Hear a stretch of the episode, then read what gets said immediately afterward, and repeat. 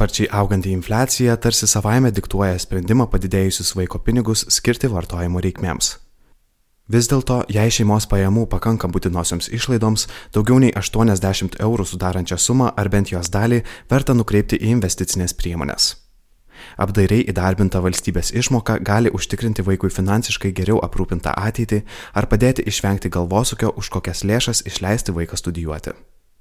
Ant rankų supuodami naujagimi ar su mažamete atžalą keliaudami iš darželio, greičiausiai retai galvojate apie tai, kokių išlaidų patirsite jūsų vaikui sulaukus pilnametystės. Tad ir mintis apie vaiko pinigų investavimą greičiausiai aplanko rečiau nei galėtų. Tačiau prieš apsisprendžiant, ar šios pinigus išleisti, ar vis dėlto įdarbinti, svarbu įvertinti kelis dalykus.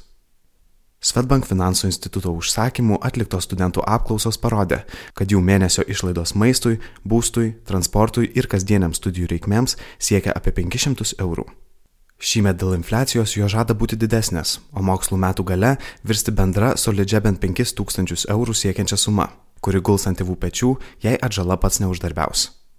Be to, jei po mokyklos nepavyksta įstoti į valstybės finansuojamą studijų vietą, mokslai šalies aukštosiose mokyklose gali atsijėti nuo poros iki kelių ar atskirais atvejais net keliolikos tūkstančių eurų per metus. Tad iš anksto ruoštis vaiko ateities išlaidoms tikrai verta. 80 eurų yra pakankamai reikšminga suma, kuri investuojant ją kas mėnesį per 18 metų laikotarpį gali pavirsti keliasdešimt tūkstančių eurų siekiančių finansinių turtų. Ar pradedama kaupti vos gimus vaikui, ar jam sulaukus vyresnio amžiaus, kaupimui tinkamos visos tradicinės investicinės priemonės. Investicinis gyvybės draudimas, investiciniai fondai ar biržose prekiaujami fondai - akcijos. Paprasčiausias būdas - pasinaudoti investicinio gyvybės draudimo paslaugą. Pavyzdžiui, Svetbank siūlomas vaiko fondas padeda sukaupti lėšų vaiko savarankiško gyvenimo pradžiai ir užtikrina draudimo apsaugą. Sutartį sudariusio vieno iš tėvų mirties atveju įmokas iki vaiko pilnametystės toliau moka draudimo bendrovė. Be to, kaupiančiame fonde investicijų portfelio rizika valdoma automatiškai. Kuo arčiau vaiko pilnametystė, tuo rizika vis labiau mažinama, kad nuo rinkų sviravimų būtų apsaugota sukauptų lėšų suma.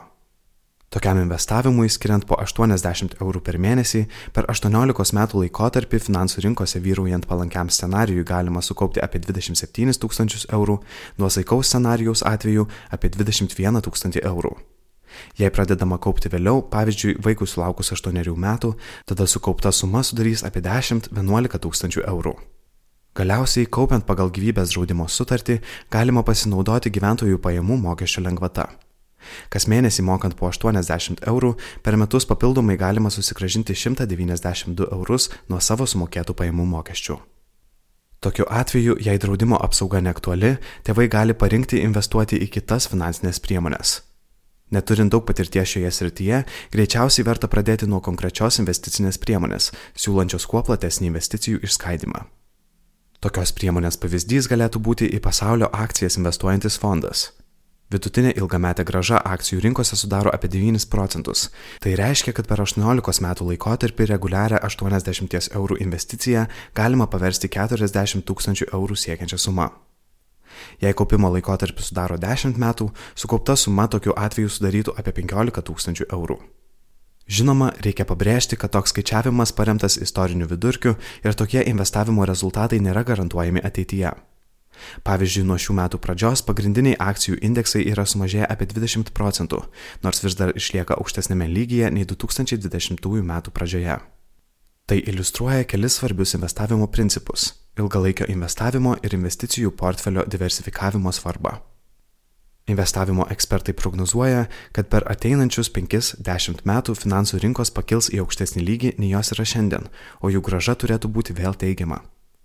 Dabartinis metas, kai akcijų kainos rinkose yra sumažėjusios, gali būti kaip tik geras metas pradėti investuoti, nes padidėja tikimybė, kad ilgainiui jos vėl išauks ir sugrįž į ankstesnį kainų lygį bei jį viršys. Reikia nepamiršti, kad pasirenkant konkrečias priemonės investavimui, vienas iš svarbesnių aspektų yra už jų įsigijimą ir saugojimą taikomi mokesčiai. Jie turėtų būti kuo mažesni. Pavyzdžiui, Svetbank suteikia galimybę investicijų portfelį iki 30 tūkstančių eurų saugoti nemokamai, Daugelį banko fondų galima įsigyti nemokamai, o einamieji metiniai mokesčiai sudaro apie 1 procentą ar dar mažiau. Galiausiai vaiko pinigų investavimas yra ne tik būdas sukaupti pakankamai lėšų atžalos savarankiško gyvenimo pradžiai, bet ir gera terpė finansiniai edukacijai. Vaikai mokosi iš tėvų pavyzdžio, tad patys investuodami, įtraukdami vaikus į procesą, kalbėdamiesi su jais apie finansų valdymą, sukūrėte tvirtus ir visapusiškus finansinių žinių bei įgūdžių pagrindus.